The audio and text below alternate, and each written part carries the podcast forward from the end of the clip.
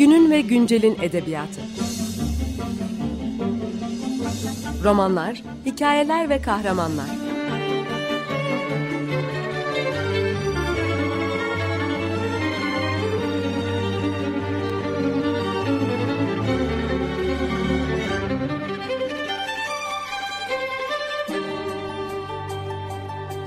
Hazırlayan ve sunan Seval Şahin.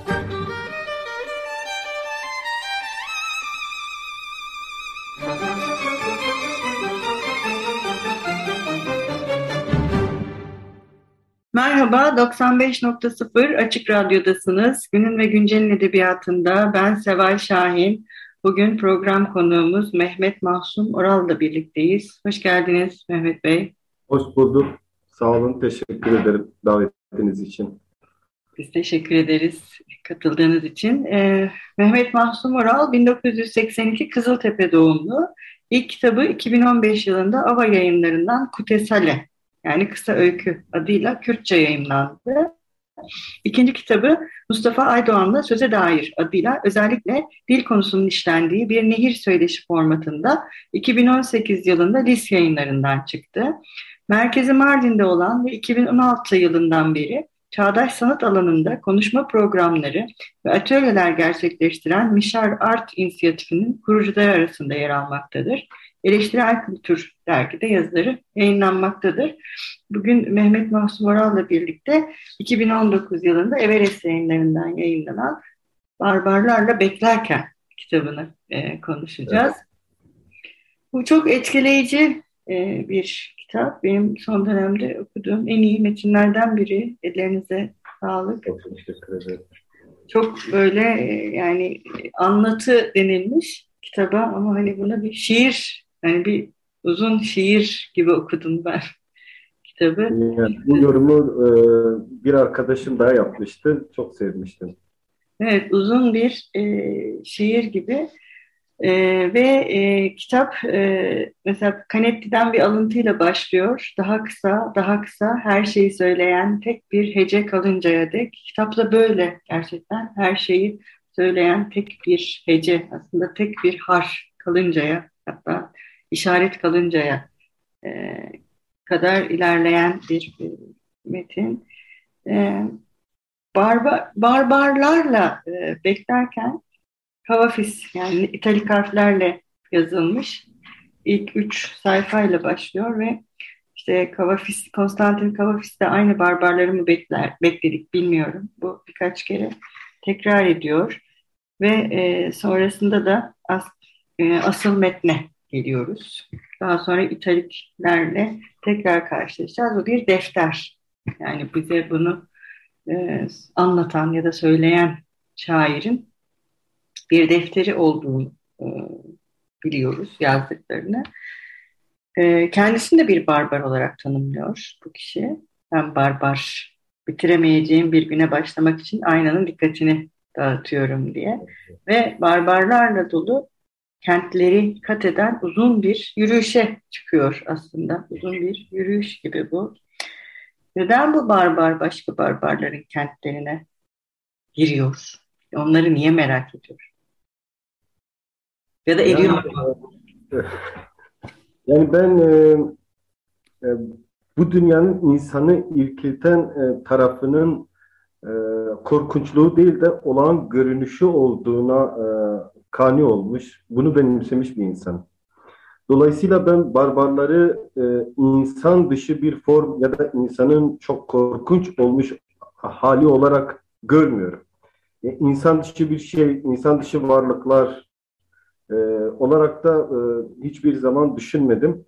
Ben tam da dünyanın o korkunçluğunun kendi olağan görünüşünde olduğu haliyle barbarları da bu şekilde olağan bir şeymiş gibi algıladım. Dolayısıyla ben e, şey yapmadım. E, onları korkunçmuş gibi göstermek için özellikle çaba harcamadım. Çünkü dünyanın da korkunçmuş gibi e, bir çabası yok. Zaten kendi olağan görünüşü böyle. Kendi doğası böyle. Dolayısıyla e, barbarlar öyle benim aralarına katıldığım ya da gidip ziyaret ettiğim ya da aralarında dolaştığım kimseler değiller. E, gündelik yaşamın içerisinde insanın kendisi olarak ben e, kodladım. Öyle düşündüm. E, evet. E, çünkü ben onları çok korkunç bir şeymiş gibi göstermiş olsaydım e, bir durum parodisi olabilirdi. Ben o parodiye girmek istemedim açıkçası.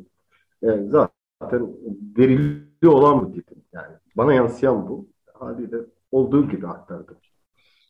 Evet e, ama sanki tek bir kişinin adı yok gibi. Bir kadın var yine bu anlatıcının düşündüğü. O gerçekten barbar mı? Onun çünkü bir adı da yok.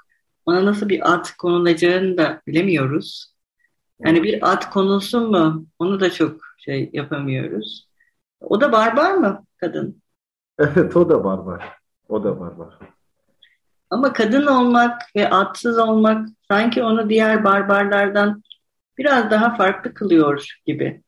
Ya da ben böyle düşündüm okurken. Evet o tam da e, yani kitabın bam tellerinde e, geçiyor daha çok. Yani e, o daha çok şiire mail ettiğim tarafta e, barbar kadın çıkıyor karşıya, e, karşıma. Dolayısıyla ben e, onu şiire dahil bir şeymiş gibi Aslında ben şiirin kendisiymiş gibi düşündüm kadını bir de. Evet. Acaba şiirin kendisi o olabilir mi? O yüzden mi adı yok? Ya da hani ona bir ad konulmamalı. Öyle bir metafor olabilir mi diye.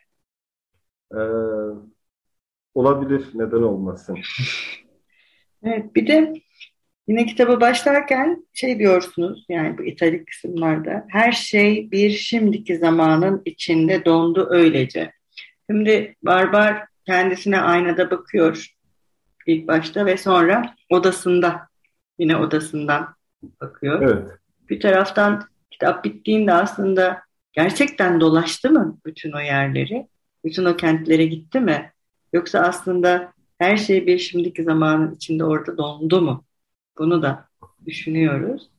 Ee, öyle mi? Her şey bir şimdiki zamanın içinde dondu mu? Yoksa aslında bütün bu barbarın gördüğü tam da her şeyin şimdiki bir zamanda donduğu tüm anları biraz görünür kılmak mı? Yani biraz e, şiirden el alırsak e, e, Dağlarca'nın şiirinde o kadar kuvvetle hülya edeceğim ki artık burada mevcut olmayacağım sözü var. Çok güzel. Yani e, ben e, bir şekilde o kadar kuvvetle hülya etmek istedim ki orada mevcut olmak istemedim. Ya o odada mevcut olmak istemedim ve dolayısıyla o benim e, çıkıp dolaştığım bir şey oldu. Yani şeyin e, dün evde değildim, dağları dolaştım yani. Hı. Ama belki de evdeydim yani bir şekilde ama biz dağları dolaşıyoruz. Dolayısıyla iyi ki e, hülya edebiliyoruz. İyi ki düşleyebiliyoruz. O imkanı bize sağladığı için iyi ki diyorum. O yüzden e, sanırım dışarıya çıkmak o kadar zor bir şey değil. Evet mesela 19. yüzyılda e, kadınlar e, yani çok fazla sokağa çıkamadıkları için özellikle Osmanlı kadınları çıkan e, dönemin özellikle sonunda çıkan gazetelerde kadınlara mahsus gazetede e, evden dünyaya yani evden hayal ederek dünyaya dolaşmak üzerine yazılar evet. yazıyorlar. Mesela hayal etmenin yani, nasıl o duvarları aşan şey olduğunu. Yani belki de e, Virginia Woolf'un o kendine ait bir odada e, bir oda bulman gerekir, bir oda e, tutman gerekir diye kadınlara aslında bir şey önerirken dışarıya çıkmak için aslında yani bir yere kapanmak için değil de belki dışarıya çıkmanın bir yolunun o odadan geçtiğini bir şekilde e, öneriyordu. Yani bir imkan olarak bir odan olduğu zaman belki dışarıya çıkabiliyorsun. Bu bir kapanma ya da kendini bir yere e, şey yapmak değil yani. Orada bir izole, kendini izole etmek değil de daha çok dışarıya çıkabileceğin, daha çok orada kendinle baş başa kalabileceğin, kendine yöneleceğin ve dolayısıyla bazı sınırları ancak o odada, sana ait olan bir odada bir şekilde aşabileceğini de belki şey yapmıştır, önermiştir. Evet Öyle yani kapat, kapatılma e, şey değil, kapatmak değil aslında yani. Kapat, evet. Yapılan eylemin e, ne denir başarıya ulaştığını gösteren bir şey değil. Yani evet. bu her tür açmazda ve her tür çıkmazda Yani hülyalar engellenemiyor sonuçta. Bu da bu da yürüyüşün bir parçası sanırım değil mi? Tabii. Hülya, evet. hülya etmek, yürümek gibi bir şey. Bir ara verelim isterseniz. Ne çalalım bugün? Yani benim e, bir e, Polonyalı bir grup var e, sevdiğim. E, isterseniz onu önerebilirim. Bester Quartet diye geçiyor. E, parçalarının ismini de söyleyeyim. The Life of Man. Peki, hadi çalalım. Merhaba, 95.0 Açık Radyo'dasınız. Günün ve Güncel'in edebiyatında ben Seval Şahin. Program konuğumuz Mehmet Mahsum Oral'la birlikte Barbarlarla Beklerken adlı kitabını konuşuyoruz. E, kitabın, yani programımızın ilk bölümünde e, kitabın e, edebi tür olarak bir uzun şiir olup olamayacağına e, değindik ve onu şiir yapan e, metaforlar üzerine konuştuk ve e, hem yürümek hem de kapanmak ve e, hülya ile kapanmak arasındaki e, ilişkiye e, değindik. E, şimdi aslında bu tabii kitap e, bir onlar onlar diye başlayarak bir e, kutsal kitapları da kutsal kitap söylemini de e, taklit eden desem olur herhalde taklit eden bir söylemle başlıyor. E, bir taraftan Calvino'nun görünmez kentlerini, o kentte danışan gezgini de e, çağrıştırıyor ve bu gezgin buradaki barbar bir keşiş gibi yani kutsal kitapla başlayıp kentleri dolaşıp e, o insanlar üzerine düşünürken çünkü ed, e, ne diyeyim edebi birçok alıntı yapıyor. Kendi sözlerinin içine onları karıştırıyor.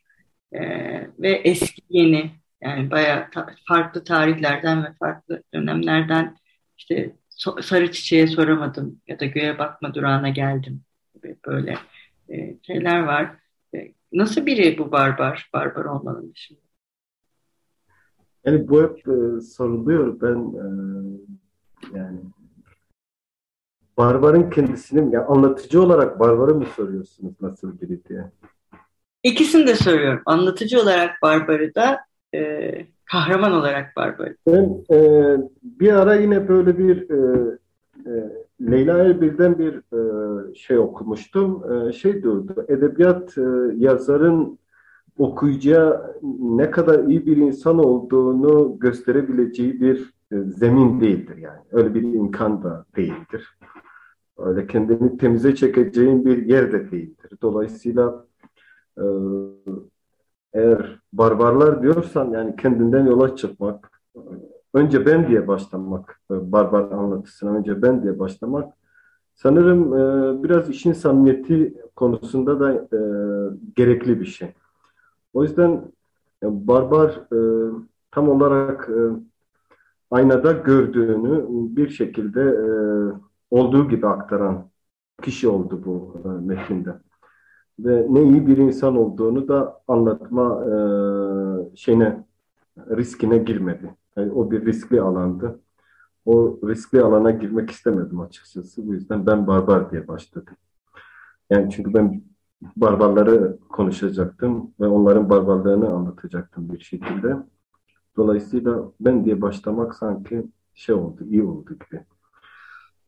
Bir de, ben diye başlayan bir barbar. Yani sizin bahsettiğiniz barbar nasıl bir barbar? Ben diye başlayan bir barbar. Evet. Doğru. Ee, yani önce kendisi talip oluyor. Barbar önce, Evet. Önce kendisi talip oluyor. Evet. Zaten hep şey var. Ben ve onlar aslında hep devam ediyor bütün metin boyunca. Ben ve onlar, ben ve onlar ve barbar her seferinde onlar diye karşısına koyduklarından kendisiyle ilgili bir parça buluyor. Bu da biraz barbarca olmasını onu evet. yapıyor. Yani ha. mezbahada beyaz bir gömlekle dolaşamayız herhalde. Yani o, o yüzden ben kırmızı bir gömlek giyiyor bu barbar. Yani. Evet hazır kırmızı gömlek demişken bu kitabın sonlarına doğru yeniden bir anlatıcı sesimiz ve defterimiz e, araya giriyor. Bir not daha düşüyorum deftere kendim ve barbar bir şair için. Sonra italik belki hiç havlu atılmadı ama çok mendilin kanadı muhakkak. Bu da tabii herhalde Edip Cansever'e bir bir cansever evet. Bir mendil neden kanar? Yani ona yönelik bir şeydi. Yani. Burada artık barbar kanamaya mı başlıyor peki? Yoksa defterdeki sözcükler mi kanamaya başlıyor? Ee, hiç havlu atılmaması aslında bir direnişin de e, sembolüydü. Çünkü havlu atmak bir şekilde teslim olmaktır. Ben o barbarlığın kendi içerisinde bir direniş de gösterdiğini, bir şey direndiğini de aynı zamanda kendine ve başkasına bir şekilde direndiğini ve havlu atmadığını ama bir mendilin de bir kenarda e, kanadığını, e, hatta mendillerin kanadığını e, anlatmak istedim. Mendil cepte olduğu için e, kanasa bile belki e, bu çoğu kişinin e, fark edemeyeceği bir şeydir. Gizli bir şekilde kanar çünkü mendil. E, kamusal bir taraf yoktur yani mendilin havlu gibi. E, havlu atılır ama e, mendil katlanılır. E, katlanılan mendilin de e, içinde kan lekesinin olup olmadığı pek e, görülmeyebilir yani. Onun o imkanı var. Mendilin katlanabilme, havlunun da bir şekilde atılabilme, gösterilebilme yani. O daha çok e, teşhircidir havlu. Ama mendil katlanan bir şeydir. Belki o.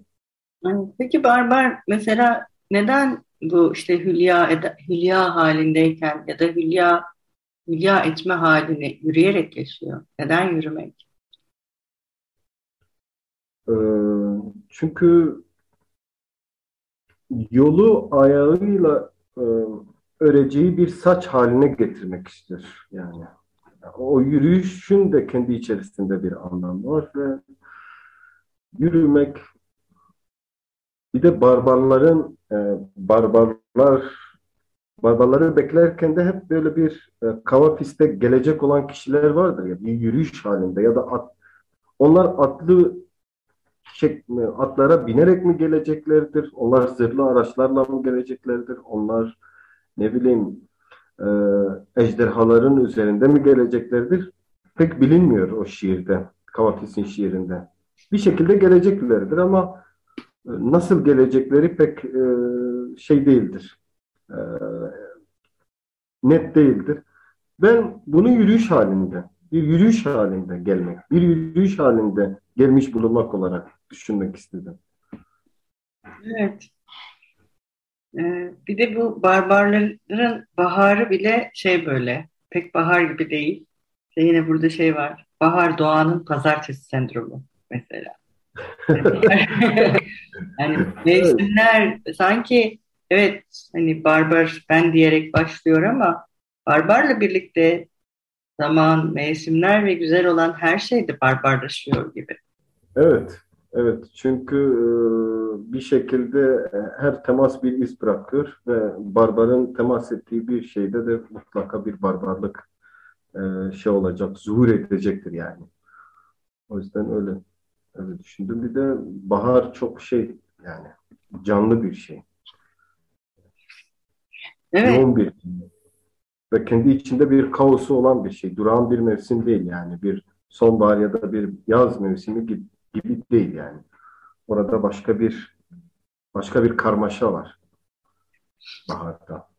Evet, bir de e, bu yürüyüş biraz böyle bir göç gibi de aslında, değil mi? Başka bir göç. Evet, evet, evet. Bir, bir göç, bir göç durumu da söz konusu.